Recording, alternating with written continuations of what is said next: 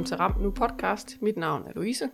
Og mit navn er Malene, og det her det er vores første episode efter sommerferien. Øh, og i dag har vi faktisk to gæster med i studiet.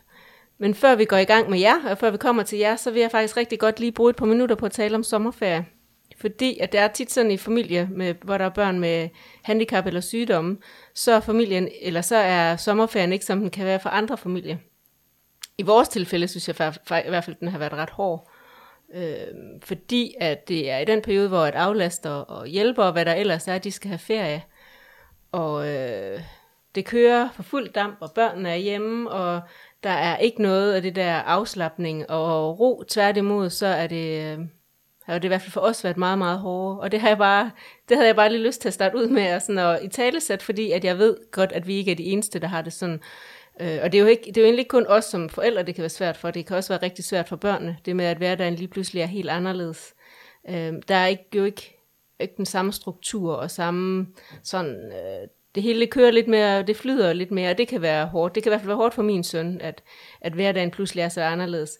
Så det bliver bare for os alle sammen bare meget hårdere, og det kan være svært indimellem ikke at sådan lige blive en lille smule misundelig på alle folks perfekte Insta-ferie, og jeg ved jo godt, at tingene ikke altid er, som man ser på Insta, men ja, jeg har bare lige brug for at sige, at det, øh, det er hårdt. Tænker du faktisk, det er hårdere i år på grund af corona, fordi vi har været så meget isoleret i forvejen? Så det der med, at øh, det har alle mere eller mindre fået allergi for, men det er jo det, I ryger tilbage til. Mm. Det er jo et lidt godt spørgsmål, og det har jeg slet ikke lige øh, overvejet. Men det, kunne, det, det kan du jo sagtens have ret i. Altså jeg vil i hvert fald sige, at jeg synes, at den her sommerferie har været usædvanlig hård. Jeg synes, den har været hårdere end de andre, så det kan godt være, at du har ret i det.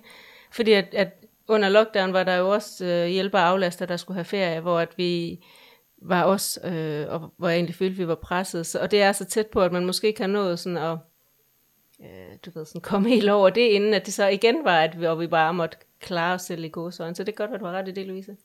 Ja. Hmm. ja. Men nu sidder vi her. Ja, det gør og vi, og, og sommerferien er slut. Det er anden og... sæson, og vi håber, vi ikke kommer til at snakke mere om corona i den her ja, omgang. Men øh, og fordi det er det, vi skal i dag. Vi skal noget helt andet i dag. Vi skal mm. snakke om fædre, ja. som er en af mine ømme punkter.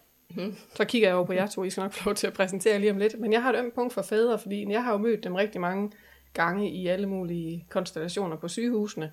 Og det er jo ofte startet der med en fødsel, hvor det er, at man nogle gange, i hvert fald dem jeg har talt med, så skal man jo lige pludselig starte med at forholde sig til, om man vil blive ved sin kæreste eller kone, eller man vil gå med sit barn. Og det er ikke altid, at folk er givet til at tage sig af den far, der så står i den situation. Og så efterfølgende, så er der jo noget, når det i hvert fald er et lille barn, at der er mange øh, naturlige ting, tror jeg vil sige, som tillægger, eller tilgår moren, mm. og så står faren der. Så jeg synes, det er rigtig dejligt, at vi kan få lidt fokus på fædrene, fordi de kan faktisk også gå og have det rigtig skidt.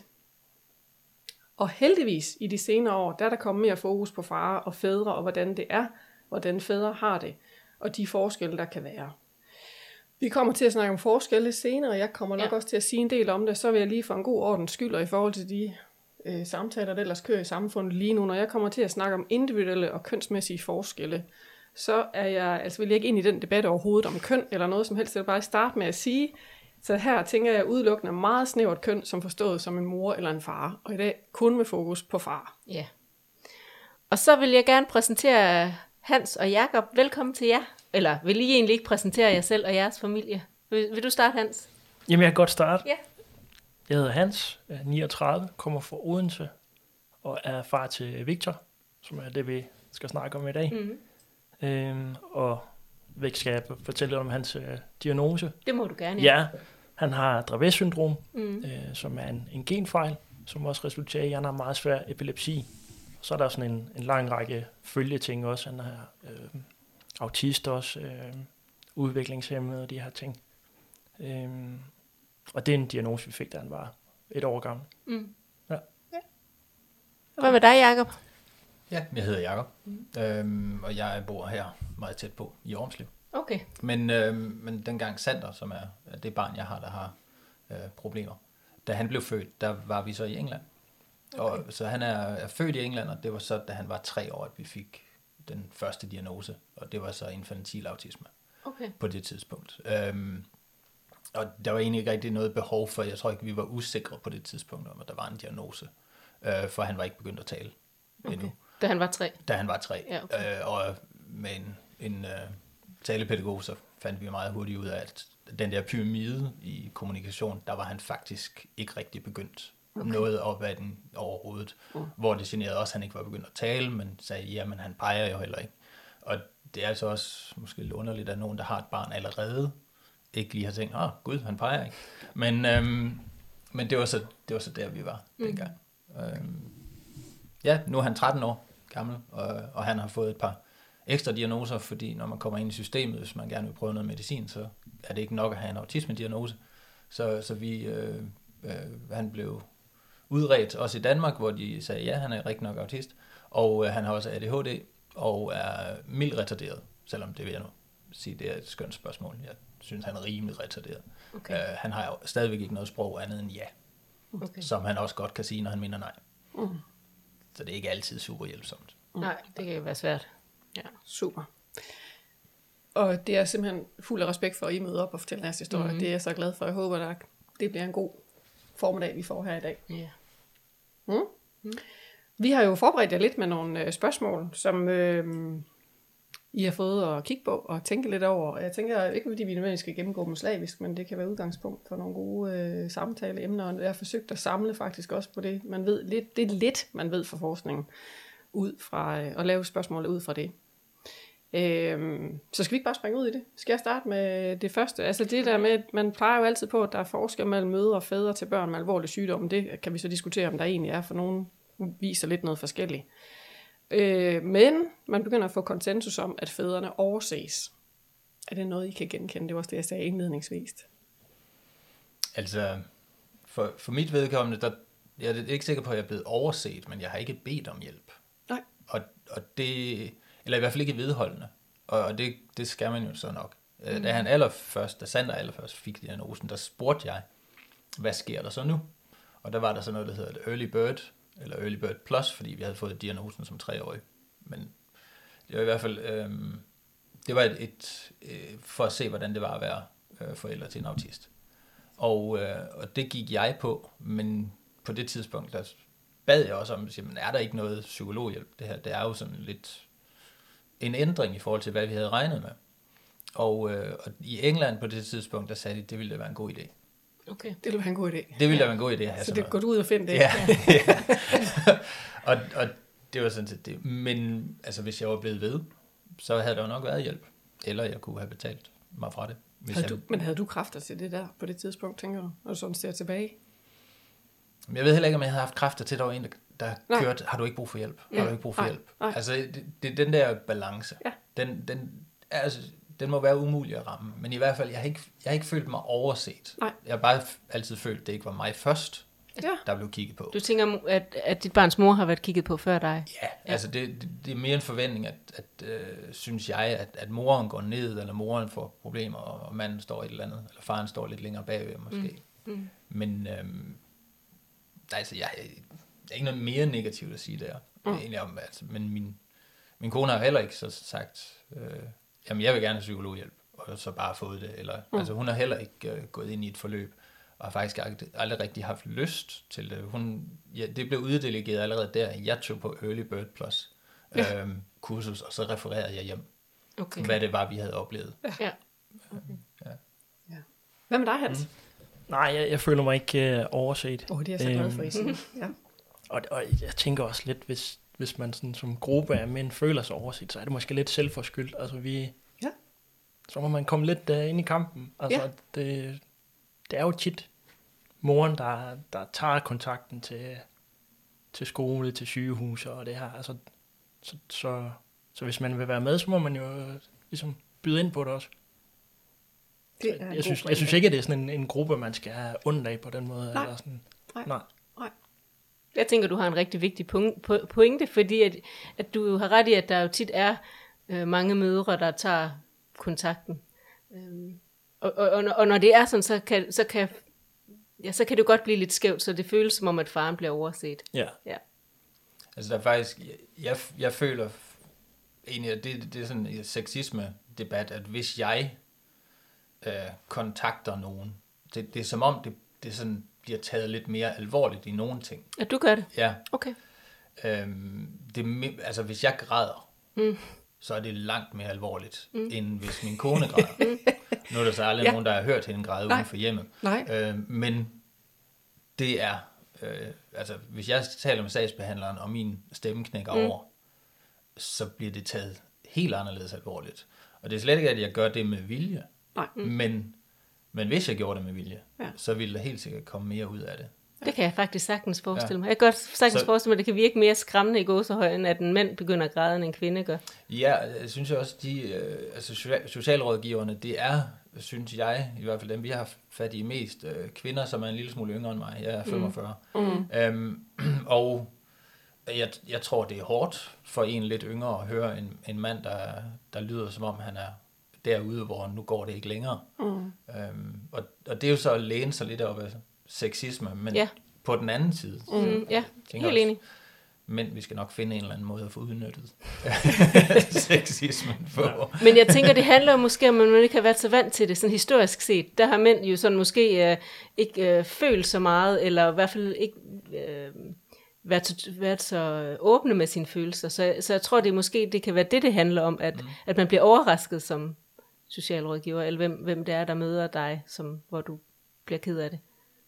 Og det er faktisk lidt generelt tendens. Altså jeg kan også huske tilbage for alle de år, jeg arbejdede i somatikken, og hvis det var mænd eller fædre, eller unge, unge voksne mænd, der havde det rigtig skidt og gav udtryk for det, så var der også lige pludselig, så var det virkelig vigtigt mm. at få fat i krisepsykologen. Det er lidt sjovt faktisk. Mm. Ikke? Altså jeg sidder, selv, jeg sidder og tænker på, jeg er jo også selv socialrådgiver, og jeg kunne godt forestille mig, det synes jeg faktisk overhovedet ikke er særlig rart at indrømme, men jeg kunne faktisk godt forestille mig, at jeg vil blive mere øhm, påvirket af en far, der græd end en mor. Og det synes jeg faktisk ikke er rart at indrømme, men, men hvis jeg sådan skal mærke efter, tror jeg faktisk, at, at, at, jeg, at jeg godt kunne have det sådan. Mm. Altså, øhm, og det ville jo selvfølgelig være noget, jeg skulle arbejde på, men, men, men sådan, lige når du siger det, altså så kunne jeg faktisk, fordi jeg, jeg kan ikke huske de år, jeg har arbejdet, jeg kan virkelig ikke huske, at jeg har set mange fædre græde, men jeg ser rigtig mange mødre græde, altså rigtig, rigtig mange mødre.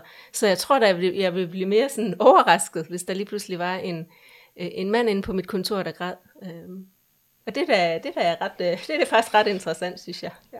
Mm. ja det er lidt ærgerligt egentlig, at, ja, det er at, at så ærgerligt. Sådan, at, at, ja. det, at det virker så voldsomt, når, ja. når mænd græder. Jeg tror ikke også, det bliver mere acceptabelt nu, altså ja. vi ser det mere også mm. i sport og, mm. og sådan nogle ting. At, men ja, ja. Det, det har stadigvæk mere vægt på en eller anden ja. måde. Ja, det er rigtigt. Ja. Det er rigtigt. Nå, men det er rigtig godt, at I ikke har følt jer overse på nogen måde, for det, det er virkelig, hvor jeg tænker, det er det, man altid skal være opmærksom på. Mm. Øhm, har I nogen oplevelse af, at der er forskel på øh, den relation, I har til jeres barn, i forhold til den relation, som I kan opleve, jeres barn har med moren? Altså, jeg tænker, at jeg har jo selvfølgelig en far-relation, mm. fordi jeg er hans far, og, ja. og, det, og det, det er måske mere tydeligt, fordi vi, vi ikke bor sammen. Øh, ja. Vi har gået fra hinanden. Og, og ja, så på den måde, så laver jeg de her far-ting ja. med, med min søn. Og, ja.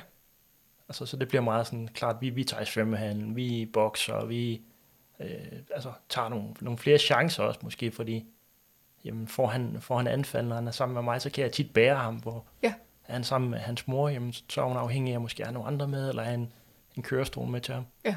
Så på, på den måde kan jeg, kan jeg gøre nogle andre ting, og det kan være lidt vildere, ja. når han er sammen med mig. Og du holder det så faktisk ikke tilbage, til trods for, øh, at der Nej, nej, det nej, ikke. Nej, nej. nej jeg, jeg, jeg tager nok mange chancer ja. egentlig. Ja. ja.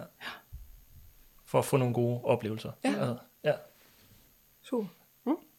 Altså vores, øh, min relation med Sander har ændret sig meget over, over tid, fordi helt fra, han var spæd, så var det jo så kun min kone, der kunne amme ham, og han insisterede på ikke at bruge sut mm. eller sutteflaske. Så, øh, så i lang tid, så var jeg bare en, der kunne øh, række ting til hende, der kunne række ting til ham. Mm. Øhm, og øh, en ting, han har, det er, at han er vældig glad for tatoveringer. Specielt hvis man har fået en tatovering, hvor der sådan kommer lidt arvæv. Sådan lidt, det kan han godt lide at sådan køre fingeren rundt på. Og det samme med modersmærker og sådan noget. Dem har jeg ikke rigtig så mange af. Jeg har faktisk overvejet bare at få en tatovering, bare for den ene skyld. Ja. En grund skyld, da han var helt lille. Men, øh, men nu er det så ændret sig. Nu vil han også gerne kæle med mig. Mm. Øhm, og øh, det, det er jo rigtig dejligt, øh, at, at jeg sådan set kan have egentlig præcis den samme relation med som, som hun øh, har haft tidligere. Mm. Så nu kan jeg trøste ham fuldstændig lige så godt, øh, som, som hun kan.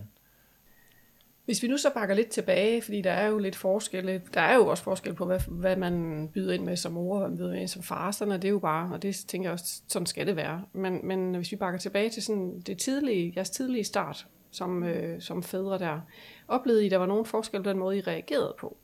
På de ting, der var omkring øh, svære samtaler, svære beskeder, og hvordan var jeres reaktioner? Kunne I mærke, om der var forskelle? Øhm, jeg husker sådan i, i starten, da vi fik uh, diagnosen, og vi var blev inviteret til sådan en, en sovgruppe, var det vel egentlig. Ja, okay. Hvor, hvor vi begge to følte os sådan fuldstændig uh, malplaceret. Vi sad der med voksne mennesker, der, der græd, og altså, vi, vi var slet ikke der. Altså, der, der, gik, der gik rigtig lang tid, før vi sådan forstod, hvad det var, vi, mm. vi stod med. Altså, der, der er nok gået år, fra vi, øh, vi fik uh, diagnosen.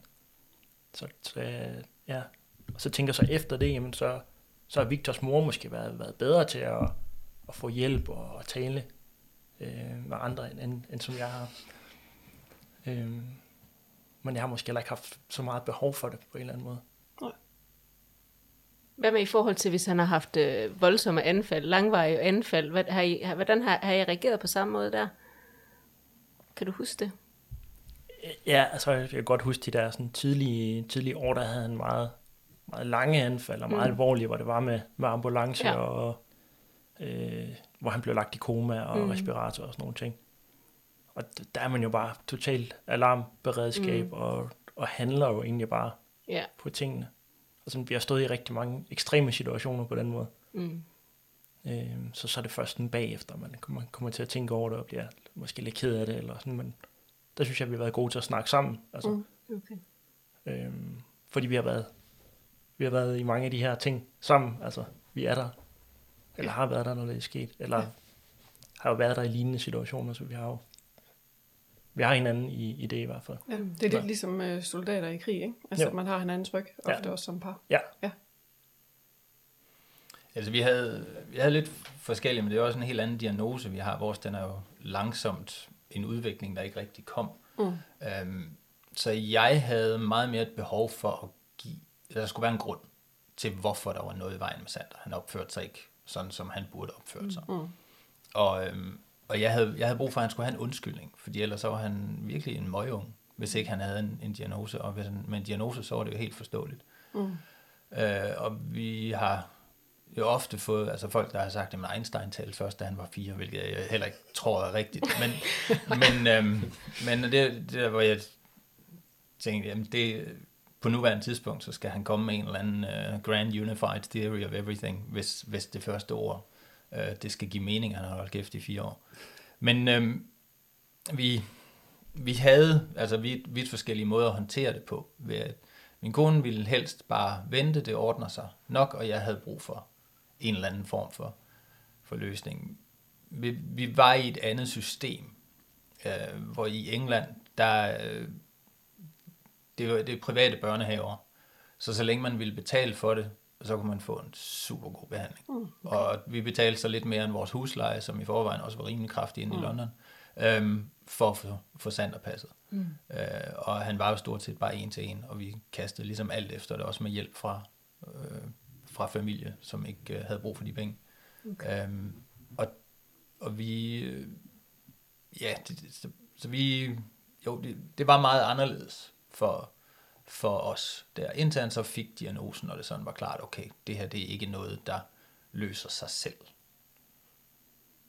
Så lidt afhængig af måske faktisk, hvad det er for en sygdom, man har med at gøre, hvordan man kan reagere, hvordan man takler det, så tænker jeg, så er folk også bare forskellige generelt. Ikke? Det er jo også det, man går ind i med, at og parforhold har været sine, sine arbejdsfordelinger. Og apropos arbejdsfordelinger, den rollefordeling, I nu har imellem jer hver især, er det en, du nævnte faktisk lige lidt øh, før, øh, Jacob, den der tidlige arbejdsfordeling. Mm. Øhm, er det egentlig aftalt? Er den bare kommet sådan? Er det egentlig revurderet undervejs? Eller hvordan ser det ud for jer? Du tænker sådan i forhold til... Hvem der gør hvad, hvem der tager kontakten. Ja. Fordi jeg forestiller ja. mig jo, at I må have et hav af kontakter stadigvæk. Ja. Øhm, og det, det var sådan noget, det kunne jeg faktisk ikke helt huske, så der var jeg nødt til at ja. tale med Victors mor omkring det, men, men han var omkring to år, da, da vi sådan fik tabt arbejdsfortjeneste til hende og, og vi har jo nok haft en snak på det tidspunkt omkring arbejde og hvad man sådan kunne. Mm. Øh, hvor det jo måske var nemmere for, i hendes erhverv, hun arbejder som frisør og, mm. og skole lidt ned. End det, end det var for mig. Øh, men samtidig tror jeg faktisk heller ikke, jeg havde lyst til at, at, at, at øh, gå ned i tid, eller altså, så, så det, det blev egentlig sådan, og sådan har det jo så været øh, i mange år nu, ikke? Mm. Så det bliver sådan lidt, man, den man starter med, det er også den, der på en eller anden måde kører videre, fordi det er den, der fungerer bedst i familien. Ja. ja. Og så finder man ligesom et eller andet niveau. Ja. Øhm, for, fordi der har vi jo så også fortsat med, efter vi er gået fra hinanden, ikke? Ja. Så, øhm, Snakker I nogensinde om det, eller er det bare sådan, det er, og så kører det bare, uden at de sådan, øh, taler om, om det egentlig er okay for jer begge to? Det, det er faktisk ikke noget, vi, vi taler så meget om. Mm. Det, er, det er ligesom bare blevet det sådan, der, mm. at, at hun arbejder 25 timer, mm. øhm, og, og får det til at fungere. Ja. Øh, og så, ja, så byder jeg ind, hvor jeg, hvor jeg sådan kan. Altså, vi har sådan en 5-9 ordning, så ja. er fem dage ved mig, ni dage ved hende. Øhm, men, men stadigvæk har hun også alt arbejdet med kontakt til kommune, sygehus. Altså, det er jo, det er jo en masse. Ja, det er det. Ja. ja, ja. Og det er selvfølgelig meget taknemmeligt for os. Mm. Øhm, men det, det fungerer i hvert fald. Og så, mm. så støtter jeg op omkring det, altså er med til samtaler og de her ting. Men, men det er ligesom hende, der er, der er lead på det, eller sådan primus, mm. primus motor. Ikke? Mm. Ja. ja, vores er, altså det er en meget udtalt aftale. Ja. Altså jeg er hjemmegående husbund. Mm. Øhm, og øhm, jamen tabt arbejdsfortjeneste, det har jeg aldrig rigtig kunnet øh, få til at virke. Jeg, jeg har ikke rigtig kunnet argumentere for den, fordi det jeg laver er, øh, at jeg, jeg sælger et par ting med webshops, og så sidder jeg og skriver manuskripter, eller udvikler tv-idéer, eller sidder og laver tv-promo. Og, øhm, og jeg har sådan set aldrig sagt nej til arbejde, men jeg har måske ikke rigtig søgt så meget arbejde. Øhm, så derfor så, det er en grund til, at det faldt sådan meget til mig. Det, det hører ind under house hobby duties. Mm. Øhm, en anden ting er, at min kone er norsk. Og øh, selvom hun taler rigtig godt dansk, så lyder hun stadigvæk som en indvandrer, når hun, øh, når hun snakker med nogen. Mm-hmm. Og, øh, og der er der med det samme nogen, der lige tager et halvt skridt tilbage og ikke forstår 100%, og kommunikationen er vanskeligere. Okay. Så det er bare nemmere, at, at det er mig, der, der tager alle samtaler.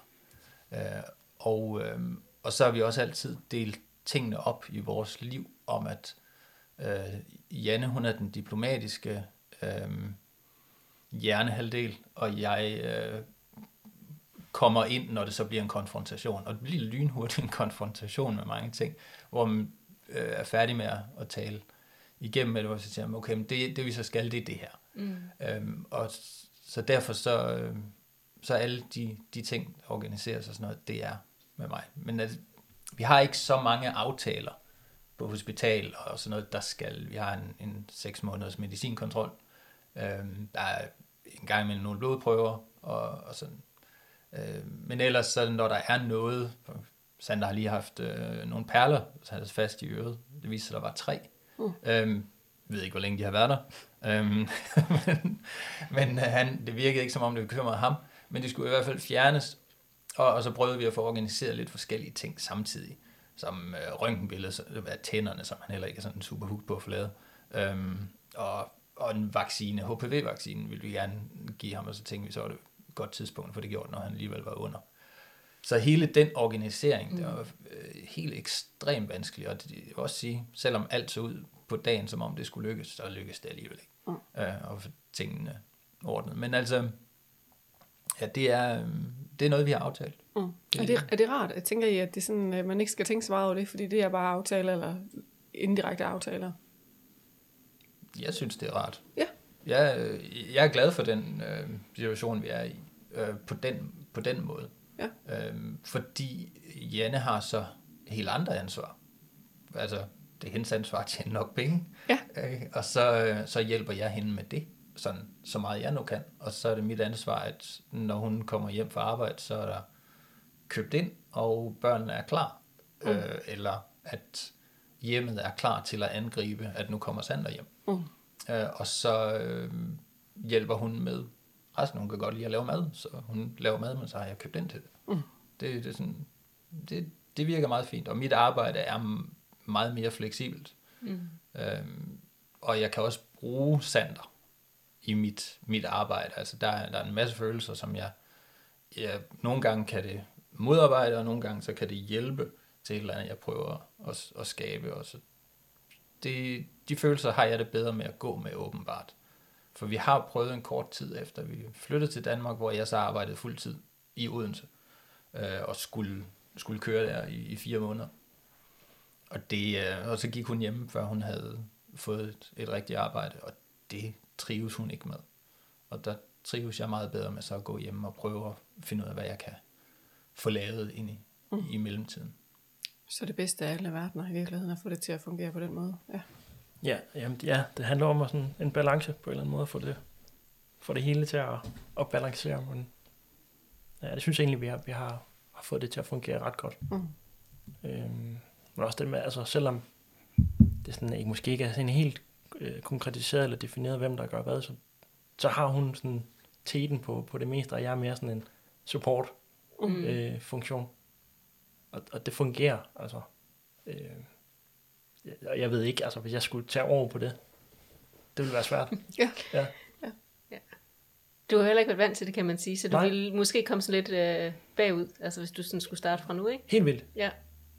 Fordi der er meget, der er vagtplaner med hjælp, og der er sygehuse, der er to sygehus faktisk at holde styr på, mm. og ja, der, der, er, der er rigtig meget. Hvordan blev I så mødt som fædre ude i systemerne? Det kunne jeg rigtig godt mm. tænke mig at vide lidt om. på. Ja, altså, nu er det nok mig, de har snakket med. Ja. Øh, hvis det er sådan et sted. Men ellers, så, hvis vi kommer begge to, mm. hvis det er en aftale med konsekvens, så, øh, så kommer vi begge to, og så, så Janne, de, de henvender sig til mest. Og hvis, når hun så siger noget, og, og så, så er det det, der bliver accepteret, hvor jeg omvendt, hvis det er mig, der siger noget, så bliver der altid lige kigget over, om er det nu også okay? Det, okay, de tjekker lige, om moren er enig her. Lige, der, der er sådan lige en bekræftelse. Det, det, ja. Bare lige et kort blik, synes jeg. Ja, det er det, du har bemærket ja, gennem det, tiden. det ja. synes jeg. Men, men det er, øh, altså, den omvendte sexisme, mm man kan læne sig op af den, bruge den til et eller andet. Øh, jeg sammenligner lidt med det med, når man går på restaurant, regningen den bliver givet til mig. Mm. og så synes vi, det er jo sjovt. At ja, så kigger de mærkeligt, når man giver den. jo, eller, ja. eller vinlisten. Vinkortet er også Janne, der, der øh, bedre kan lide at forstå vin, hvor jeg drikker ja. bare det, der bliver stillet foran mig. Ja. Og, øhm, og det er jo også altid, selv den kvindelige sommelier kommer hen til mig med det ja, altså, det er sjovt, sådan er det også, når vi er ude og spise mig og min kæreste. Ja. Mm. Men det er enormt interessant, synes jeg, at det stadigvæk er sådan. Altså vi er i 2021, at vi stadigvæk er så kønsnormative og stereotype i forhold til, hvordan vi møder omverdenen. Det synes jeg er mega interessant. Ja. Har du noget, du vil sige? Hans? Nej, nej, igen. Men det er jo de her normer, altså, og de er der stadigvæk. Altså de her kønsmønstre. Altså, mm-hmm. Noget med børnene, men så spørger man moren, hvordan har børnene det? Og det, det er måske heller ikke et dårligt sted at spørge, fordi jeg tænker tit, eller ofte i hvert fald, at Victors mor har en bedre føling med, hvordan han egentlig har det. Altså, hun, hun kan mærke med hånden om, hvad, hvad, hvad hans temperatur er sådan på decimaler. Altså, det kan jeg ikke. Nej. Øh, hun, har, hun har en bedre føling med, med mange ting. Mm. Øh, også hvad, i forhold til, hvad han kan, kan rumme af indtryk og så videre, hvor jeg måske har en tendens til at, at presse lidt mere på. Øh, så, så jeg tænker ikke, det er helt galt sted at, at spørge, mm. at spørge moren. Men det er jo fordi, jeg også sidder med fra klinikken, så er der jo nogle gange nogle fædre, som netop kan give udtryk for, det er faktisk også noget, det man kan finde sådan småtterier rundt om i litteraturen, der er skrevet om det, ikke? At, øh, at helt i starten, der, der, der kan man godt sådan tænke, at man ikke sådan bliver direkte henvendt til som far, eller man kan få et label om, om nu far bare taget på arbejde, mens mor sidder her med det stakkels syge barn. Men hvor jeg tænker, ja, det er måske igen bare nogle normer, der ligger fast, fordi mm. det er jo, en, jeg tænker ret hurtigt, det er også det, I giver udtryk for, så finder man den der arbejdsfordeling om, hvordan tingene skal være. Altså hvis det er bolde, der bliver kastet op i luften, og man står der og venter på, hvem det er, der griber den. Og det, er det. så det er altid forventet, føler jeg selv fra min egen øh, svigerfamilie faktisk, at, at det var forventet, at, at det var moren, der ville gribe bolde. Min, min svigerfar sagde til mig engang, at øh, han synes det var, de havde stor respekt for, at jeg var blevet. Okay. Hvor jeg tænkte, det var en super underlig ting, altså alternativet. Hvad skulle det have været? Ja. Ikke? Øhm, det, det er jo det samme, altså en, en rollefordeling. Jeg har lige haft det med, med Aula. Vi, vi skiftede, han, Sander er på Stensager skolen, og nu er han så kommet i en klasse, der så er på Holme Søndergaard. det er, som er klubben og Holme Søndergaard på, på en gang, og det, øh, det er super godt, men i skiftet skete der noget med Aula, så jeg mistede tilgangen til Stensærskolen. Og da jeg så taler med en af lærerne i telefonen, så siger hun, jamen, er det, er det bare fordi, du aldrig har været på Aula? Siger, men, Sander er 13 år. Men, selvfølgelig har jeg været på Aula. men det, at der, og det kan man jo så, det kan jeg huske, man har kunnet se inde på Aula, man kan se, hvem er det, der aldrig har aktiveret det her, og det var jo bare mænd, mænd, mænd, mænd, ja, mænd, mænd, ja, der ikke har aktiveret det. Og, så jo, stereotyp og så videre, men den, det er jo mænd, som får lov til at måske tage et skridt tilbage, og hvem er det så, der, der griber bolden? Jamen det er som, det er som mest været moren. Ja, ikke? Og det er det jo. Altså, og det er jo også, jeg har været ved at prøve at finde statistik på det, det kunne jeg desværre ikke finde, men, men det er jo generelt set flest mødre, der har tabt arbejdsfortjeneste, og sådan der, altså, der er jo tit, at det er rigtig meget mødre, der har teten, og derfor bliver det nok sådan, men det er alligevel interessant, at man bare møder øh, en familie med udgangspunkt i, at det selvfølgelig er mor, der gør det. Altså det synes jeg er, øh, det synes jeg er interessant, og, og specielt som socialrådgiver, fordi jeg, sådan, jeg vil tænke, at jeg heller ikke nødvendigvis har tænkt så meget over det, før at vi har den her snak nu. Altså, hvor, hvor vigtigt det egentlig er, at man møder folk fuldstændig sådan, altså, øh, ligeligt. Ja, ligeligt. Ja. Fuldstændig uden fordom, at selvfølgelig er det mor, der gør det, og selvfølgelig er det far, der gør det. Fordi det kommer vi nok bare lidt til, og, og ja, det kan godt være, at det er, der er flest møder, der er på TA, og det er flest møder, der gør dit, du, dat. Men det er jo ikke altid sådan, det er, så vi skal jo ikke Ja, vi skal ikke være forudindtaget. Nej, altså i mit i, i vores tilfælde, da Sander begyndte at skulle gå til medicinkontrol, fordi han fik noget medicin, der havde nogle skadelige virkninger. Øhm, så hver 6. måned skulle jeg, eller vi møde op, og han skulle have taget en blodprøve. Og det kunne han jo ikke lide. Mm. Og så besluttede vi os, at Sander er bedre i den situation, hvis det bare er mig, der er der. Fordi eller, han, er mere, han var mere pyldret, hvis det var hvis det kun var mor, eller faktisk hvis hun var med. Mm. Øhm, så, så derfor så, så begyndte vi at lave sådan nogle ting om, og vi faktisk fandt ud af, at der er utrolig mange ting, møder, som egentlig bare involverer, hvad er status så? Nå, jamen, så er der ikke sket noget. Okay, jamen, vi snakkes igen om seks måneder og ser, hvad der så er sket. Så, jamen, det behøver du faktisk ikke at komme med til. Mindre det er noget, du har lyst til at komme med til, så tager jeg det. Mm. Så masser af de, de ting, det er bare altså, der er sgu mange e- møder, der skulle have været en e-mail, e-mail hvor det, det, det sparer man meget tid ved ligesom at dele det op. Mm. Og, og det kan jeg fint forstå, at, at man gør så meget som overhovedet muligt. Mm. Ja, jeg tænker også, at man bliver nødt til at, at dele det op, altså i nogle situationer, for ikke at blive kørt fuldstændig over. Ja. Jeg kan huske, at Victor var, var lille, jamen hver gang han var indlagt, men så var vi der begge to. Mm. Så sad man og sov i en stol, og ja. altså, der, der er ikke nogen, der havde lyst til ikke at være der. Nej. Men, men så går der en, en periode, så finder man ligesom ud af, at der er nogen, der er blevet nødt til at have lidt energi her, så der er nogen, der skal hjem og sove, ikke? Lige præcis. Så, så man ligesom deler sig op. Men altså, det, det er jo ikke, fordi man ønsker at gøre det, men det er simpelthen, fordi det er nødvendigt. Ja, det bliver lidt et vilkår, kan ja. jeg tænke, ikke? At ja. det er man ja. er faktisk nødt til, især når det er langstrukken. Ikke? Men det handler også om kontrol og tab af kontrol, fordi at, at i starten er der jo virkelig meget kontroltab i forbindelse med at få et sygt barn. Ja. Og så vil man vel gerne have så meget kontrol som muligt, så, og det har man ved at være der, eller det kan man føle, man har ved at være der. Så jeg tænker, at det, det kan vel også handle om det, at det skal man sådan lige uh, komme over, at man kan have kontrollen på en anden måde, end at være hands-on altid. Ja. Og det kan jeg stadigvæk synes er svært. Og ikke, altså jeg kan godt lide at være den, der har rigtig meget kontrol over tingene, men det kan man jo så arbejde med. Ja.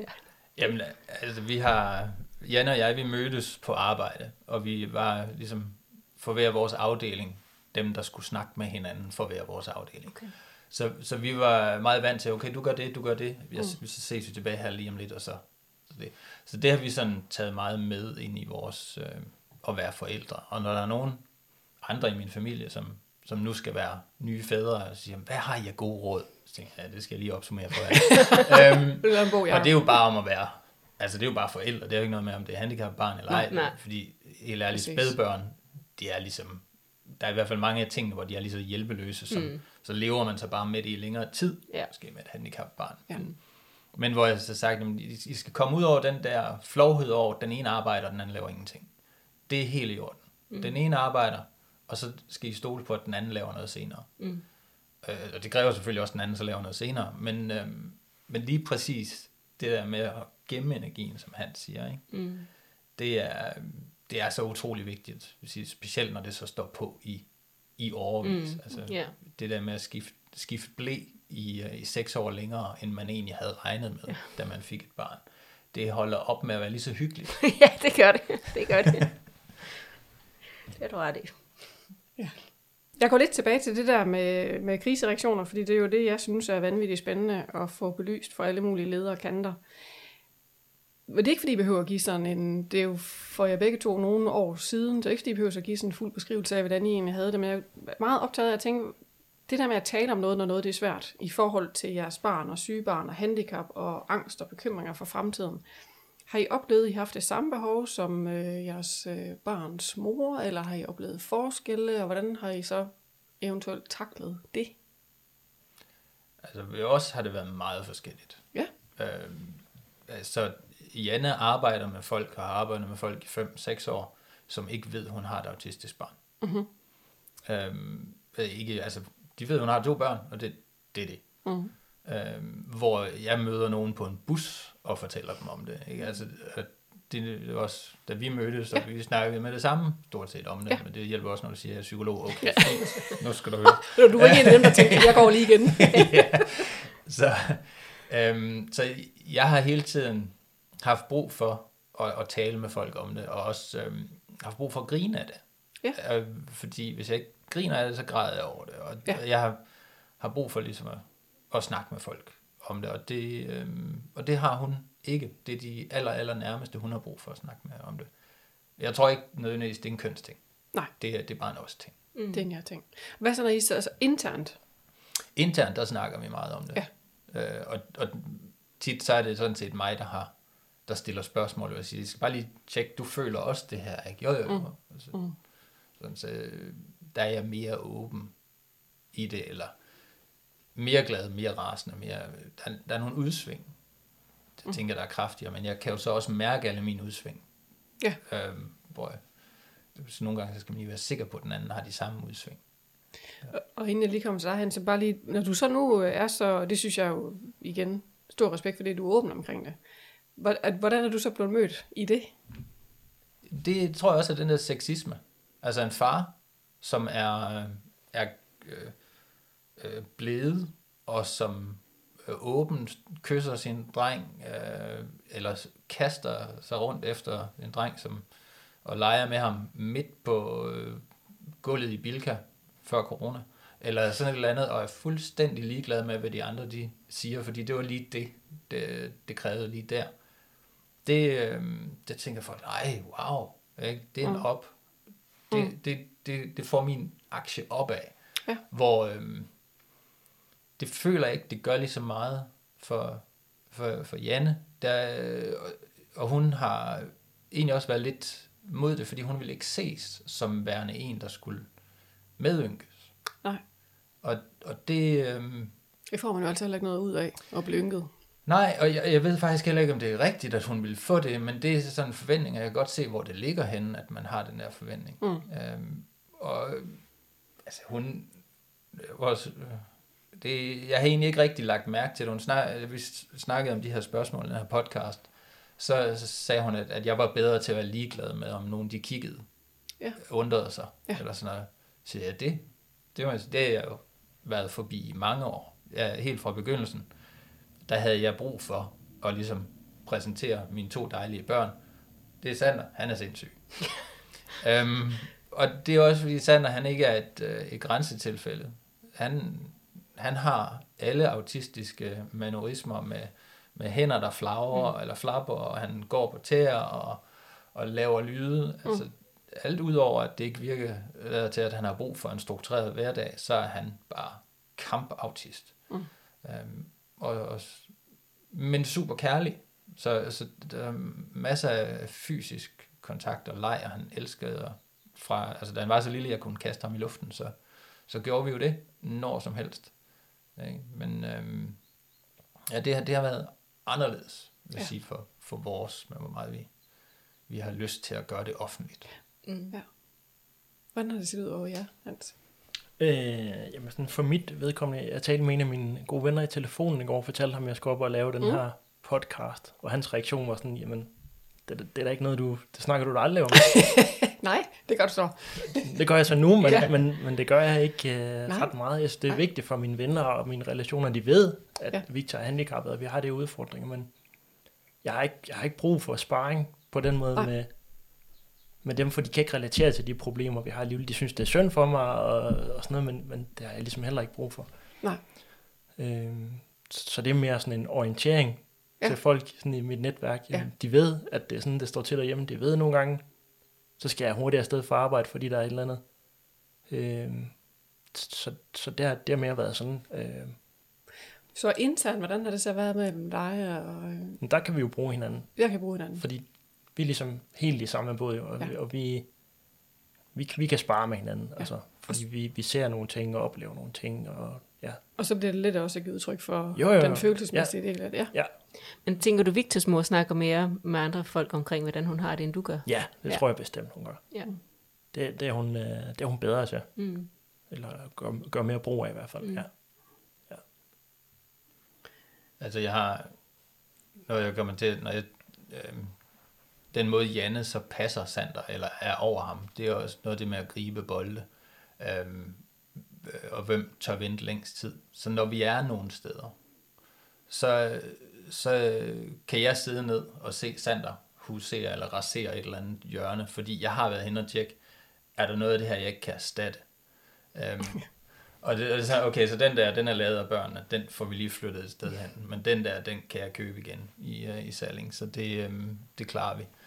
Uh, så, så vi har jo så anderledes også, så bliver jeg siddende med middagsbordet sammen med, med de andre, dem vi nu er hos, uh, hvor Janne sådan mere sådan går lidt rundt og, og holder øje med ham. Uh, så, så hun, det, det er jo et, ja, et eksempel i hvert fald på, hvor uh, vi, eller hun overtager ja. for det, og så kan jeg så sidde og slappe af. Ja. ja. Men ja, igen, hvor, hvem det er, der er mest øhm, presset eller mest bange for, at der går noget galt. Ja. Ikke? Og så nogle gange, så har Sander så også forstået, at det var hende, han skulle tage fat i. Mm. Øh, fordi jeg bare siger, nej nej, vi bliver. Mm. Og sådan noget, og så, så er det hende, der, der først bliver overvundet.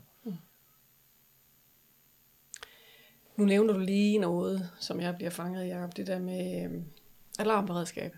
Hvordan er jeres alarmberedskab nu, når det er nogle år siden?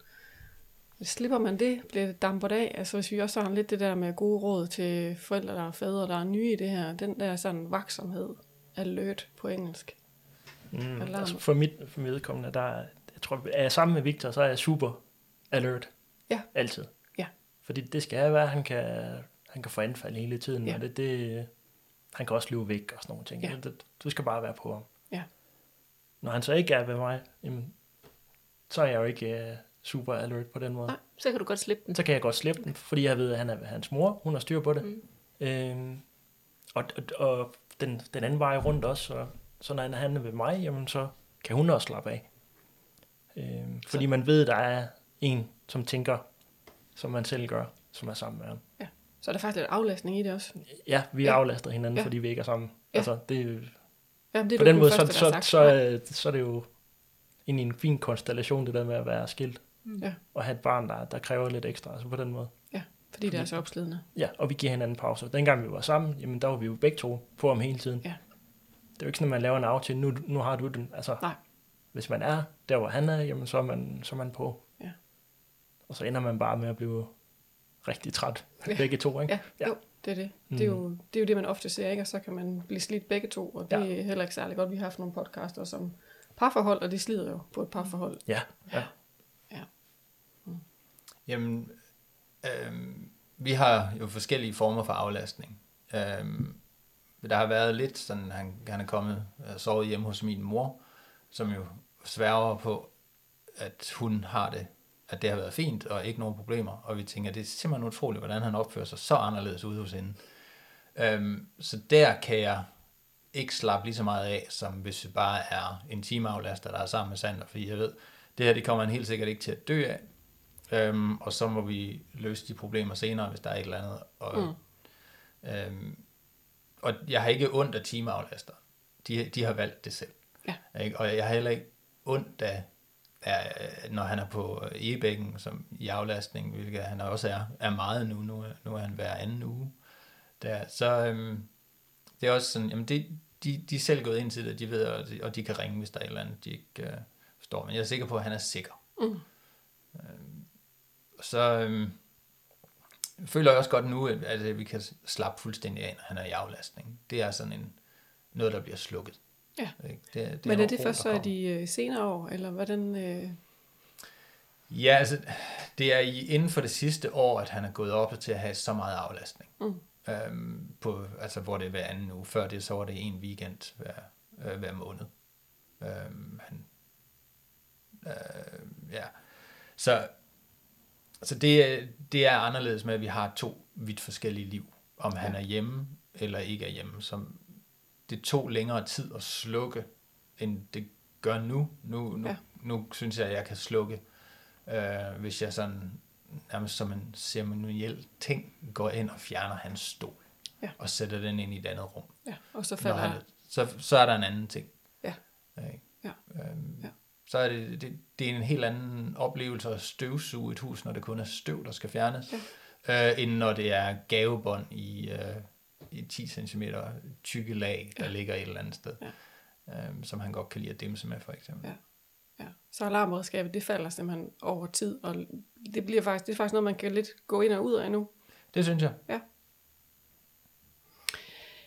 Har I været i nogen netværk overhovedet i forhold til enten det at være far til et sygt og handicappet barn, eller i forhold til den specifikke diagnose, og hvad er der sådan nogle, hvad har I gjort i overvejelse omkring det for og imod? Mm, jeg har ikke, det er ikke noget, jeg har søgt som sådan. Nej. Øh, men nu, nu er jeg i det, fordi vi har lavet den her patientforening, øh, Dravé Danmark. Ja. Så og super godt initiativ. Der har, der, har vi jo, der har vi jo et netværk. Ja. Øh, men før det har jeg ikke øh, søgt det sådan rigtigt. Måske lidt tværtimod har jeg øh, sådan prøvet at stile lidt mere efter og, og bruge, bruge tid på mere normale ting. Ja. Og ikke sådan for at glemme det, men, men måske bare ikke sådan dyrke det på, på nogen måde. Eller sådan mere modvægt til ja, at være ja, i det hele ja, tiden. Så igen ja. det der med lidt at have en pause fra at... Ja, jeg ja. tror, jeg har tænkt, at jeg, skal, jeg bliver nødt til at, at få nogle andre ting ind. Ja. Hvad har så gjort forskellen, at nu, øh, nu, er du så, nu er du med i det? Jamen, der er jo behov for det. Det er også det her med, der er, der er jo nye forældre, der, der skal igennem alt det her, som vi har været igennem. Så på den måde giver det jo mening. Ja. Altså det, at hjælpe nogen godt i gang. Ja. Fordi det, det er bare så komplekst, og der er så mange ting, øh, som man ikke ved, mm. og som øh, ja, man kan finde nogle, noget viden rundt omkring, men, men det er godt at, ligesom at få det samlet et sted. Ja, helt enig. Øh, så det giver mening. Så ja. derfor, ja, så er jeg med i det. Ja. Og jeg vil helt vildt gerne knytte en kommentar til det, som du måske kan svare lidt på, Louise, sådan rent psykologisk. Fordi at mit barn har jo også Dravé, øh, så jeg kender jo rigtig meget til Dravé-verden. Øhm, og vi har været rigtig, rigtig mange mødre, der har kendt hinanden igennem, fra vores børn var helt små, og haft et kæmpestort netværk, og øhm, jeg har skrevet jævnligt med dem, og jeg har også mødt mig, mødtes med rigtig mange, mange af dem igennem årene. Men nu er det her... Øhm, Øh, den her patientforening jo ligesom startet, og der er rigtig mange fædre i, og det synes jeg har været ret interessant, for da der kom snak om, at det, den patientforening skulle startes op, så havde jeg jo egentlig nok umiddelbart tænkt, det bliver også møder, fordi det er os, der kører løbet, det er os, der kender hinanden, og det har vi gjort i mange år siden vores børn var små. Men det er jo faktisk ikke sådan, det er blevet. Altså, Nej. der er et par mødre med, men ellers er I primært fædre, og det, det, det synes jeg faktisk er ret interessant. Helt overordnet set, så tænker jeg, at det man ved sådan, nu tager jeg lidt hul på det med forskning, men det er, at øh, man kan faktisk se en over, over nogle år, så kan man se, at møder reagerer, og det er, det er jo meget specifikt, eller meget sat op, ikke? Møder reagerer først, og fædre reagerer senere. Så man kan også tænke, at der er sådan en udvikling i behov, så måske har I fået dækket jeres behov, mm. og nu er fædrene klar til det. Og så kan jeg tænke, at sådan noget at sætte op med at organisere noget, og være sådan meget aktiv og dele viden og gøre sådan nogle ting, det ligger måske også mere til den der sådan handleorientering, man kan have brug for. Jeg ved det ikke. Nu bliver jeg igen sådan meget kønsspecifik. Hvad har du? Kom endelig med, hvad I tænker. For I står jo i det.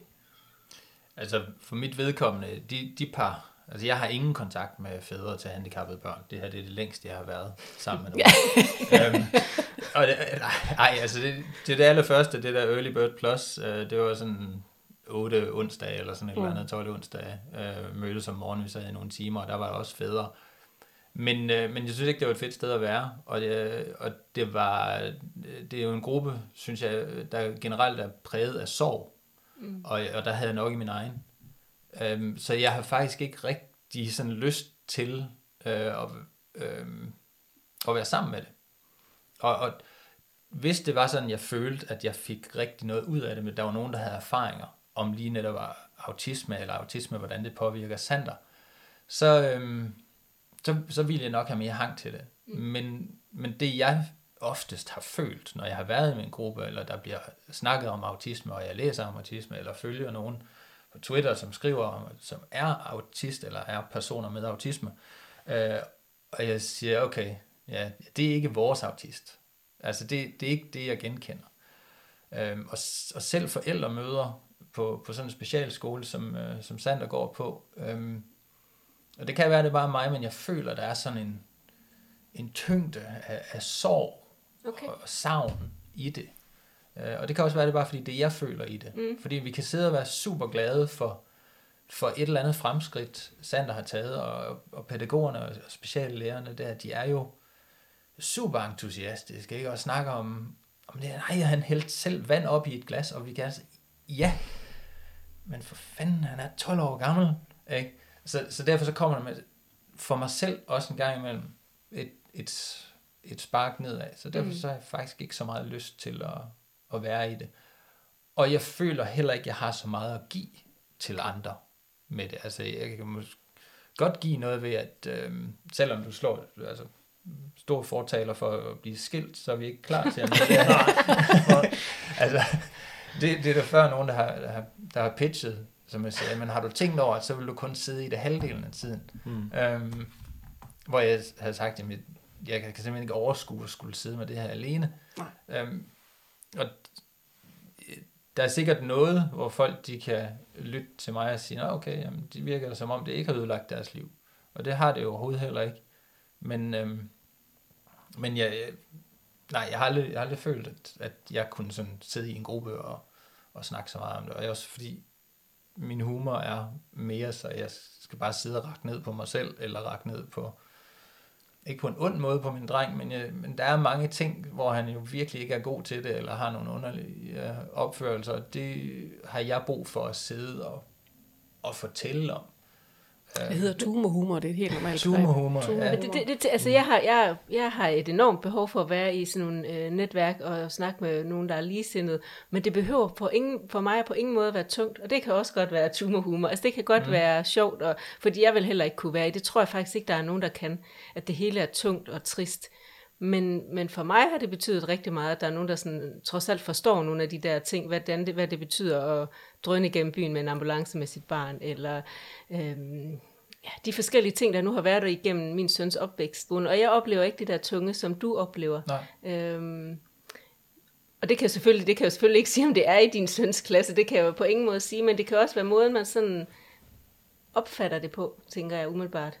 Det er meget sandsynligt, at det kun er inde i mit hoved.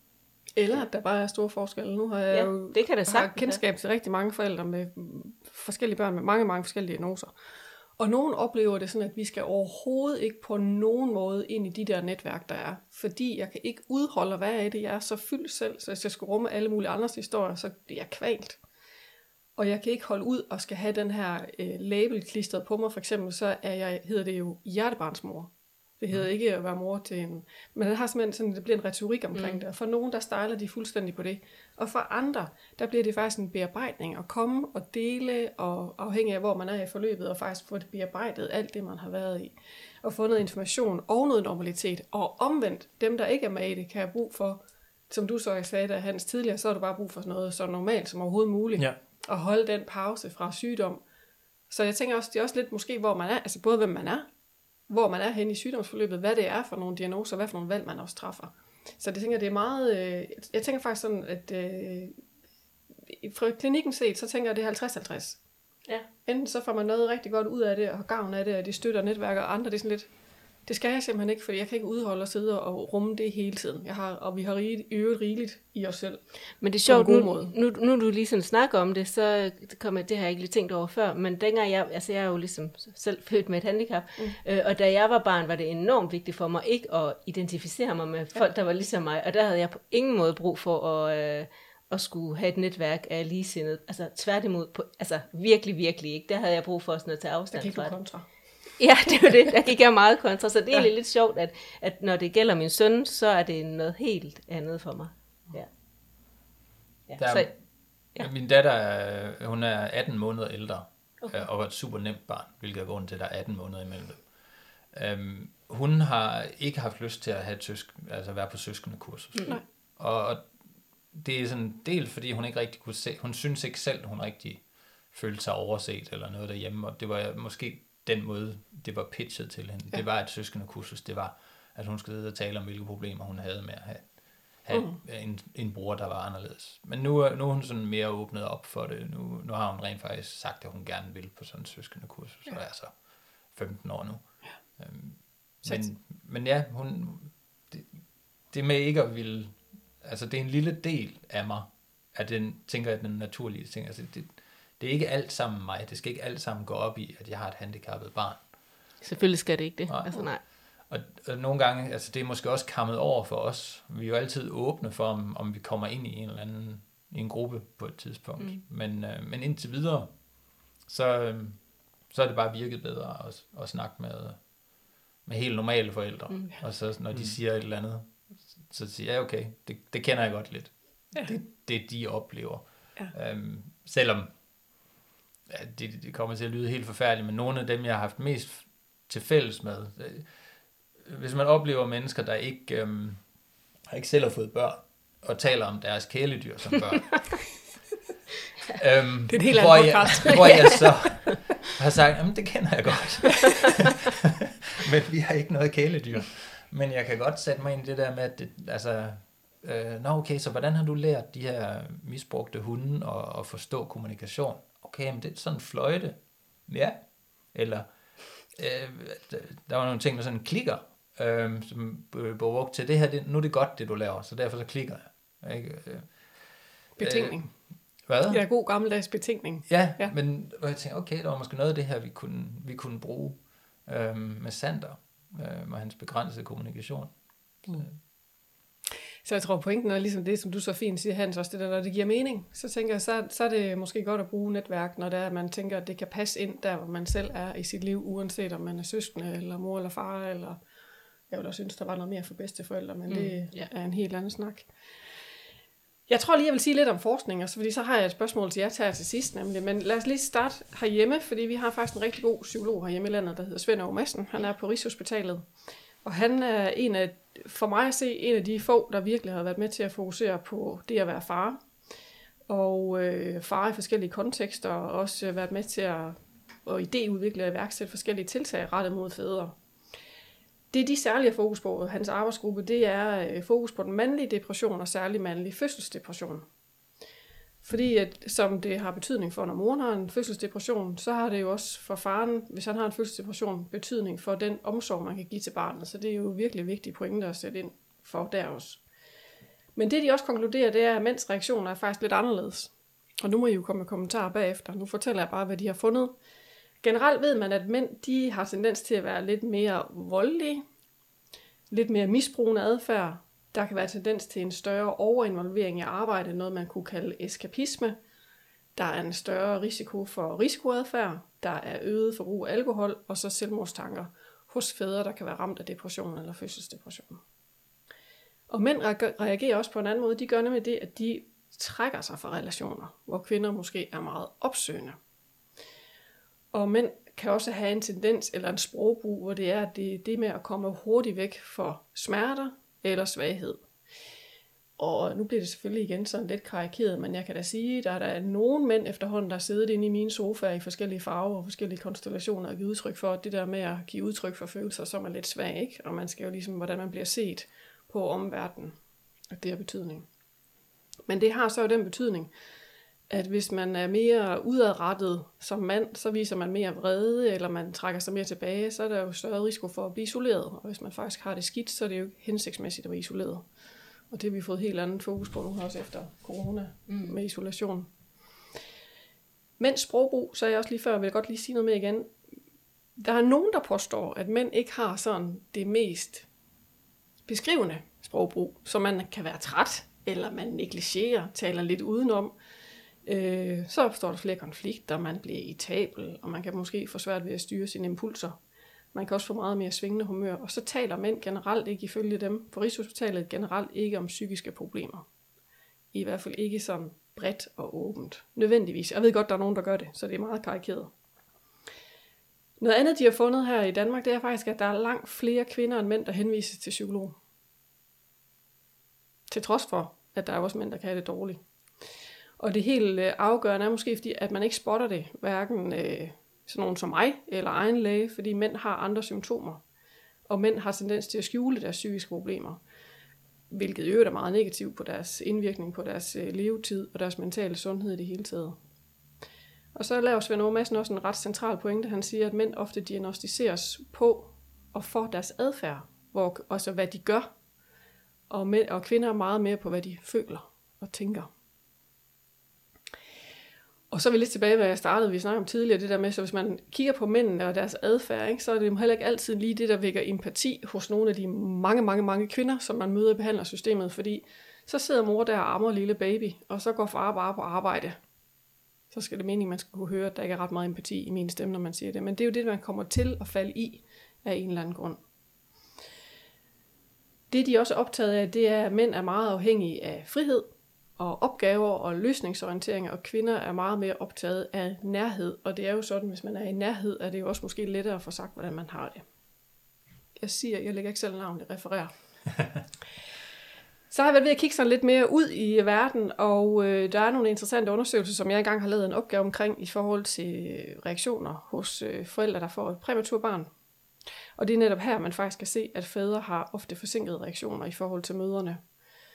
Og det kan måske forklares med noget af det, I også allerede har været inde på. Tænker jeg, man går lidt i løsningsmode, man er nødt til at være handlende. Vi kan lige pludselig ikke alle, eller begge to sidde her. Der er altså også nogle ting, der skal gøres. En skal sove, nogen skal handle og ordne. Øhm. Og så er der noget i forhold til sorg, hvor man, øh, der kan man jo have senfølger, hvis man mister et barns spædbarnsdød eksempelvis. Og der er nogle undersøgelser, der peger på, at her overses fædrene faktisk. At senfølgerne opdages ikke hos dem. Og det tænker jeg går ret godt i spænd med det, vi lige har snakket om i forhold til depression. At hvis det nu er anderledes, det kommer til udtryk, så tænker jeg, at det kan man formentlig også se i noget sorg. Så er der nogle andre, der refererer de her efterfødselsreaktioner eller fødselsdepressioner. Bare for at give jer nogle tal, at der siger man, at det er op til 25% af kvinder, der kan få det. Jeg ved ikke lige helt, jeg kunne have brug for lige at data tjekke det. Og samtidig siger de, at det er 10% af alle mænd, så det er alligevel noget højt, ikke? Så er der også nogle undersøgelser, der har i forhold til kroniske sygdomme, sådan helt generelt, det var ikke specifikt, men de har samlet, jeg tror det var 32 forskellige studier.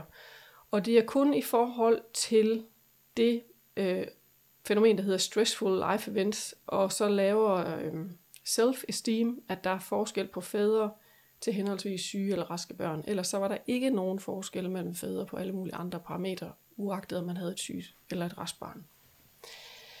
Så det er sådan lidt, øh, det er lidt fæsen område, vil jeg sige. Jeg håber snart, der kommer noget mere. Det kan også være, der er mere, end jeg lige har kunne finde i de forskellige søgedatabaser, hvor jeg normalvis søger viden. Øh, noget andet, jeg så faldt over, der faktisk rigtig interessant, og nu kommer mit spørgsmål til jer, det er, at der er faktisk, jeg har blevet klogere i den her gang, fordi det begreb, der hedder løvemødre, det ved jeg ikke, om I har hørt. Og hønemor, det er sådan, ikke? Mm. Så er der løvemødre. Løvemødre er pænere end hønemor. Meget, meget, meget. Men det er faktisk et begreb, der er skabt til mødre, der har et barn med en kronisk sygdom. Det vidste jeg ikke.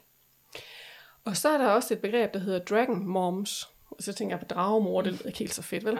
Men det er faktisk et begreb, der er skabt til mødre, der har terminal syge børn. Men jeg har simpelthen ikke kunne finde noget med faderen. Faren. Faderen. Faren. Hvad skal vi kalde øh, fædre? Skal de have sådan et label? Skal de ikke have et label? Og skal vi jo så finde noget, der var lidt mere empowering end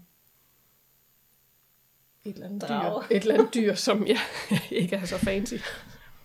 Altså hvis, hvis det er noget, der skal have popularitet, så skal det jo så have et eller andet catchy slogan. Det er det. Men, Hvad tænker øh, du, Jacob? Det er lige din boldgade. Ja, ja, nej. Det, det er vel ikke så negativt at være en dragefar. Hmm? Det, Hvorfor er det mere, mindre negativt, end at være en dragemor? Jamen, fordi det spiller op i de der evolutionære ting, som, som er positivt ved mænd generelt, mm. eller hvad der er fremhersket i mænd, som jeg synes jo, de mm. der studier sådan set øh, viser med, at, at mænd reagerer mere voldeligt og mere med at gå, sig, gå til sig for sig selv mm. og, og, og så videre. Det er jo sådan lidt uh, hunter-gatherer-agtigt, mm. øh, med at vi skal, det er os, der skal ud og finde et eller andet. Øh, så så derfor så tænker jeg ikke, at det at være en, en drage mand, det er så, så negativt, fordi okay. det, det, det er en kvalitet, kunne det, kunne det være? Mm. Kan jeg fortolke det som? Mm. Så, men øhm, jeg synes ikke, jeg, jeg genkender ikke så meget af de der ting i mig selv. Nej. Men det kan være, der er vel andre, der vil sige, åh jo, ja. ja. det er det. Håber ikke den voldelige del. Men, øhm, jeg tror, at med den voldelige resten... del ligger det også mere sådan, øh, hvis vi skal gøre det til mere sådan nordisk, øh, europæisk tilstand, lidt mere udadrettet. Ja. Ikke heller ikke udadagerende, for der er også mange associationer på det, men mere sådan udadrettet. Ikke? At man, Verbal måske. Ja, ja. formentlig. Altså, jeg synes, en, en ting med systemet, for det da jeg for nogle år siden tænkte, måske jeg skulle prøve det af psykolog igen. Jeg føler ikke, jeg er produktiv nok, og lige nu så giver jeg lidt øh, Sander skylden for ikke at være produktiv nok. Øh, måske jeg skulle prøve at se, om jeg skulle snakke med en psykolog om det, eller en eller anden øh, coach, eller noget, der kunne hjælpe mig der. Og så kontakter jeg så vores læge, øh, og, øh, og jeg får faktisk at vide, at jamen, det er kun et år efter diagnosen. Halvt år, mm. hvis, det er, ja, halvt år. hvis det er helt rigid, ja. Okay. Og så tænker jeg så, selv de senere diagnoser, vi har fået, så, så skal jeg jo til at igennem en udredning for, hvor vi kan helt sikkert kaste flere diagnoser efter Sander. Øhm, der var ikke rigtig nogen grund til at fortsætte. Nej. Øhm, og det er et kæmpe så, problem. Så det der med at snakke om over tid, og hvordan, ja, altså, ja øhm, det, jeg tænker, det tager bare lidt tid, før man begynder at sige, at det er måske ikke sådan her, jeg skal gå og have det. Nej, præcis. Men lige netop, det jeg helt vildt godt kunne tænke mig i, i et studie, det var egentlig at føle, at få at vide, om, om kvinder generelt føler, at det har ødelagt eller ændret deres liv meget i forhold til, hvad mænd synes, at det, det er interessant. Men jeg tror, at de fleste kvinder vil sige, at det har ændret og ødelagt.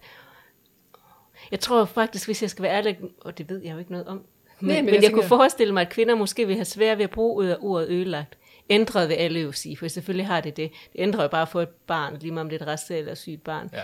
Men selvfølgelig ændrer det voldsomt meget, det tror jeg egentlig alle kvinder vil sige. Og så kunne jeg forestille mig, at nogle kvinder vil have svært ved at bruge ordet ødelæg, fordi det kan være mere negativt lavet. Ja, det er meget definitivt. Ja, det, det er ødelagt, det. så er det næsten uopretteligt. Ikke? Ja. Øhm, men, men kvinder kan jo godt nogle gange bruge ordet øh, om en fødsel, at den har ødelagt min krop. Ja, det er rigtigt. Mm. Så Jamen, jeg, jeg ved ikke. Jeg, det har helt sikkert ændret mit liv. Mm. Det, det har det. Og der, der den cirkulære sorg mm. for os, øh, jeg ved ikke engang, jeg bruger det rigtigt, men, men for mig der er det, at nogle gange, så kan jeg vågne op og have glemt, at der er et problem. Og så kommer man i gang, åh, oh, det er rigtigt. Det her, det er en ting, mm. der gør, at jeg ikke kan gøre det her. Mm. Og det var en derfor, jeg tænkte, at jeg måske skulle snakke med nogen om det. Det var fordi, man giver jo altid skylden for ens egne problemer et eller andet sted, hvor det kan, altså som første instans, hvis jeg ikke er produktiv nok, eller jeg bare sidder og, og ja, ikke, ikke får lavet noget arbejde i de der perioder, hvor der så er plads, og hvis det er en selv, der skal sætte deadline, så, så er jeg mere tilbøjelig til, at hvis jeg selv har sat deadline til i dag, så kunne jeg også sætte den til i morgen. Mm. Mm. Så det hele sådan flyder lidt ud, ja. og, og føler, om det er fordi, jeg har brug for en pause for det her, for Sander. Der er jo reaktioner over tid, så man kunne også tale om bare normale reaktioner, som jo er i tilpasningsperspektiv. Ikke? Mm. Ja. Hans, hvad, hvad tænker du om mm. øh, den der turbo-gennemgang? For jeg kommer altid til at blive grebet og tale lidt hurtigt med det. Og, og hvad kunne du... Øh, hvad for en, hvad for nogle dyr, skal vi sige? Ja. jeg, jeg, synes, jeg har ikke behov for at have en eller anden dyr Nej, sat godt. på, eller få sådan en label Nej. på den måde. Jeg synes det egentlig, det, det er rigeligt at være, være far. Ja. Og så gælder det om at være god til det. Lige præcis. Øhm, og det at være far til, til en handicappet som Victor, det, det gør også, at man tænker lidt mere kortsigtet. Ja. Så på en eller anden måde, så synes jeg også, det måske har gjort mig til en bedre far, fordi det handler om at have det godt lige nu. Ja, nu og her. Ja, ja. for vi ved ikke, hvordan det bliver i morgen. Mm, nej. Hvor man med et normalt barn måske har det længere horisont at arbejde med. Så, så jeg, jeg synes, det er fint. Label, far. Ja, og så, vi holder bare far. Jeg skal hold, godt hold lide den. Den, den, den ligger ja. der rigeligt med, med power i, synes jeg. Ja. Der, der behøver ikke at være Nej. en drage eller en løve Nej. på den. Øh, og så synes jeg jo, at det er, det er jo lidt ærgerlig øh, læsning, du har, har fundet frem ja. der. Altså, ja. Men jeg håber, det bliver bedre. Jeg ser også nogle tendenser til, at mænd er blevet bedre til at tale om følelser og de her ting men der, der er lang vej igen, ikke? Jo, oh, det tænker jeg. Ja. Altså, jeg så et program øh, helt tilfældigt forleden, hvor Svend Ove Madsen, han, som Louise hun refererer til, hvor han, øh, hvor han øh, ja, han har også lavet nogle forskninger, hvor han snakker om, om forskellene på mændene, og han siger netop det der med, at øh, sådan, i hele vores civilisation, civilisation, det kan jeg ikke sige, det var. Civilisation. Tak, Louise. der, har det, der har det aldrig været funktionelt for mænd at vise følelser og sårbarhed. Det, vi har, det har været funktionelt, at mænd de gik på jagt og skaffede føden, mm. og kvinderne var hjemme og passede børn, og derfor kunne spejle følelser, rumme følelser og være i deres egen følelser. Men han siger også, at der er et opbrud, og at man ser ligesom, at flere mænd tager barsel, flere mænd er, er meget ind over, og at det, der er lige nu på spil, det var det, han sagde i det program, det er, at vi også får for eksempel øh, sundhedsplejersker og, og, og sygehusvæsenet med, fordi at, at, at han, han, hans oplevelse var netop også, at, at, øh, at fædre de kom mere på banen, men at vi manglede stadigvæk, at systemet også anerkendte, at fædrene vil ja, mere på banen. Helt. Så, jeg, så, så jeg tror, at jeg tror, vi er på vej et rigtigt sted hen. Vi skal bare lige have hele øh, Hele samfundet laver det. Ja, lige præcis. Og det, er, det har jo været sådan her over mange, mange år, så det kommer selvfølgelig også til at tage noget tid. Men, men så længe at der er nogle fædre, der gider, altså I er jo to fædre, der stiller op, og det er jo, altså, det er jo, det er jo altså, det er ikke sikkert, man har gjort det for 30 år siden. Det kan jeg være i tvivl om, om, om fædre for 30 eller 40 år siden. Eller bare 10 år siden. Ja, måske. Jeg tror, at tidens kvinder TV2 sang, den er fra midten af 80'erne. ja, det er rigtigt. Jeg vil sige, ikke sådan, vi er first movers. Nej, ja, men der, der, vil helt, der vil helt sikkert have været, altså tidligere vil der have været nogle mænd, og der vil også stadigvæk være nogle mænd, der ikke har, eller det ved jeg, der vil være nogle mænd, der ikke har lyst til at stille sig frem her og sige mm. så personlige og følsomme ting. Og det kunne da også være kvinder jo. Så ja, det, ja, ja, ja, helt så det, det, men det er rigtigt. Ja. Der er, ja jeg tror, der er et opbrud. Jeg tror, der sker noget. Og heldigvis for det, fordi det tænker jeg er rigtig godt for både kvinder og mænd, og det tænker jeg er godt for børnene, at det ikke bliver så kønsstereotyp, fordi børn har godt af, at det ikke bare er så rigidt. Ja, ja bestemt. Så øh, det har været, jeg synes, det har været så god en snak, og jeg synes, det er fantastisk, og I har været her og stillet op. Et godt råd til fædre, der er nye i det her, både farrollen og så det er særligt, hvis man har et sygt eller handicappet barn? Jamen, altså, det er det samme råd, jeg, jeg giver alle omkring det. Det er ja. med at altså, ikke være bange for at dele arbejdsopgaver op. Eller i hvert fald lave sådan, at den ene holder fri, mens den anden arbejder, og det er okay. Bare fordi den ene rejser sig og fylder op vaskemaskinen, så behøver den anden ikke at rejse sig og begynde at støvsuge. Ja. Eller noget tilsvarende, hvad det er, man har mm. i sit... Øh, så er det nemmere at arbejde sammen. Mm. Øh, og, så, og så er det jo at, at gøre sig fortjent til, at den anden stoler på ens beslutninger. Også fordi man kan ikke, altså man skal jo også være, være enige om, hvad det er for nogle beslutninger, man træffer, men, men det kan jo ikke altid. Man har jo snakke på enmands eller tomands hånd med, med andre udenom, og så må man stole på, at, at den anden også vil det bedste mm. for det hele. Mm. Ja, det synes jeg var et godt råd altså, til det der sådan, traditionelle parforhold. Man sige, hvis man skulle give et råd til, til, til den enkelte far, så er det, så er det måske mere det med at finde de der ting, der giver dig energi, ja. som ikke er dit barn og dit handicap og, mm. og de her ting, men, men noget andet. En hobby, et eller andet. Det kan godt være, at der ikke føles som om, der er tid til det, men man gør det alligevel. Uh, det er lige min ånd med ja. Det er så fantastisk. Nå, så jamen, super gode råd, hvor jeg tænker, dem... Jamen, det er jeg øh, også vældig enig i, det råd. Ja. Det, vil, det vil jeg prøve. Vi Men det er bare et eller andet, fordi ellers ja. så... Øh, vi har lavet en lille liste, tænker jeg. Vi kan lægge, den kan vi lægge ud, en lille liste her med gode råd, for jeg har faktisk sagt nogle rigtig gode, fine ting undervejs også med det. Ja. Afsluttende kommentarer. Nej, jeg, jeg synes, det er en dejlig podcast, jeg har. Jeg har lyttet til alle episoder. Tak. Og har lært flere ting. Men jeg tænker, vi er ved at være ved vejs ende for i dag, og først og fremmest vil jeg sige tusind, tusind tak til jer, Hans og Jakob, fordi vi deltager. Det har virkelig været øh, godt. Og tak til jer, der har lyttet med. Øh, og husk, at I kan følge os på Instagram og Facebook og via vores hjemmeside ram.nu. Øh, ja, det var vist det. Tak for i dag. Tak for i dag. Tak. Tak.